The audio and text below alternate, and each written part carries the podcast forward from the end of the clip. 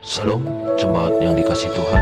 Hari ini kita kembali lagi mengikuti refleksi Gema Sebelum kita memulai mari kita bersama-sama membaca Alkitab sesuai teks dalam Gema Dan membaca Gema hari ini. Tuhan memberkati. Shalom saudara-saudari terkasih di dalam Kristus. Kembali hari ini kita akan kembali mengambil waktu tenang di dalam refleksi Gema kita hari ini Nah sebelum kita merenungkan firman-Nya, mari kita menundukkan kepala kita, kita menenangkan hati kita dan berdoa. Ya Allah Bapa kami, kami sungguh bersyukur untuk anugerah demi anugerah, untuk kesetiaan-Mu yang setiap hari kami alami dan saksikan. Kami bersyukur juga kalau saat ini kami boleh punya satu waktu yang indah bersama dengan-Mu, untuk boleh kembali merenungkan firman-Mu. Tuhan, kiranya Kau yang melembutkan hati kami, sehingga ketika kami merenungkan firman-Mu, hati kami boleh menjadi tanah yang subur untuk ditumbuhi oleh benih firman-Mu. Terima kasih ya Tuhan. Dalam nama anakmu Yesus Kristus kami berdoa. Amin.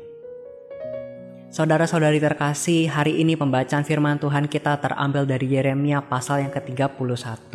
Saudara-saudari dapat mengambil waktu pribadi secara khusus untuk membaca keseluruhan pasal ini.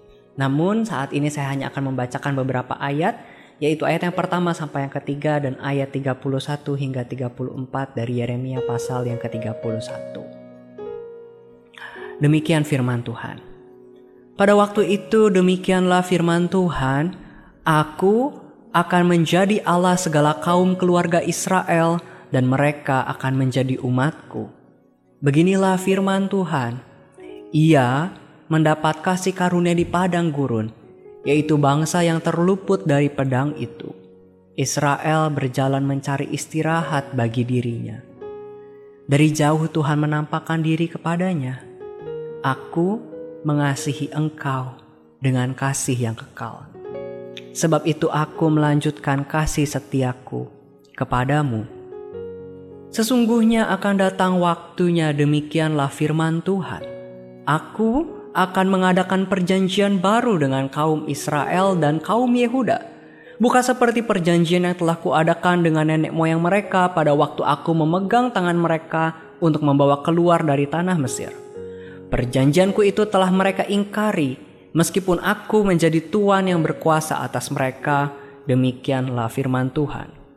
Tetapi beginilah perjanjian yang kuadakan dengan kaum Israel sesudah waktu itu, demikianlah firman Tuhan. Aku akan menaruh Tauratku dalam batin mereka dan menuliskannya dalam hati mereka, maka aku akan menjadi Allah mereka dan mereka akan menjadi umatku. Dan tidak usah lagi orang mengajar sesamanya atau menghajar saudaranya dengan mengatakan, Kenalah Tuhan, sebab mereka semua, besar kecil, akan mengenal aku. Demikianlah firman Tuhan, sebab aku akan mengampuni kesalahan mereka dan tidak lagi mengingat dosa mereka. Sampai sedemikian jauh pembacaan firman Tuhan kita. Saudara-saudari sekalian, tema renungan kita hari ini adalah perjanjian yang baru. Berbicara tentang kata janji, maka setiap kita tahu bahwa sebuah janji itu dibuat untuk ditepati. Meskipun manusia pada realitanya sering kali bisa mengingkari janjinya, gagal untuk menepati janjinya, namun kita tahu bahwa Allah kita adalah Allah yang tidak pernah ingkar dan tidak pernah gagal untuk menepati janjinya. Bahkan kita tahu bahwa Allah tidak pernah membatalkan perjanjiannya kepada bangsa Israel, sekalipun bangsa Israel telah berulang kali memberontak kepada Allah. Namun dari pembacaan firman Tuhan kita melihat bahwa Allah sendirilah yang justru berinisiatif untuk membarui janjinya di Sinai sebuah perjanjian yang ditandai dengan diberikannya hukum Taurat dan itu telah dilanggar oleh bangsa Israel dan kemudian Allah memberikan sebuah perjanjian yang baru. Karakter Allah yang penuh kasih itulah yang menjadi dasar perjanjiannya dengan umatnya. Oleh karena itu meskipun umatnya telah memberontak, kita dapat melihat bahwa Allah sendirilah yang bertindak untuk memulihkan dan membarui umatnya. Saudara-saudari terkasih isi perjanjian yang baru itu sama dengan perjanjian yang lama. Yaitu bahwa Tuhan akan menjadi Allah bagi orang Israel dan mereka akan menjadi umatnya. Lalu pertanyaannya jika isi perjanjian yang baru dengan yang lama adalah sama, lalu mengapa dibuat sebuah perjanjian yang baru? Perjanjian yang baru ini diadakan bukan karena perjanjian yang lama itu cacat, namun karena umatnya tidak mampu untuk menaati perjanjian yang lama itu. Dan masalah ketidakmampuan ini terletak di dalam hati manusia. Oleh karena itu, pembaruan itu terletak pada media penulisan perjanjian. Pada perjanjian Sinai janji Allah ditulis pada dua loh batu sehingga menjadi hukum tertulis yaitu hukum Taurat. Namun dalam perjanjian yang baru Allah menuliskan janjinya itu langsung pada hati umatnya. Allah tahu bahwa hati adalah sumber segala kenajisan dan perbuatan dosa maka jika hati seseorang tidak diubahkan, maka dosa akan senantiasa berkanjang dan tinggal di dalamnya.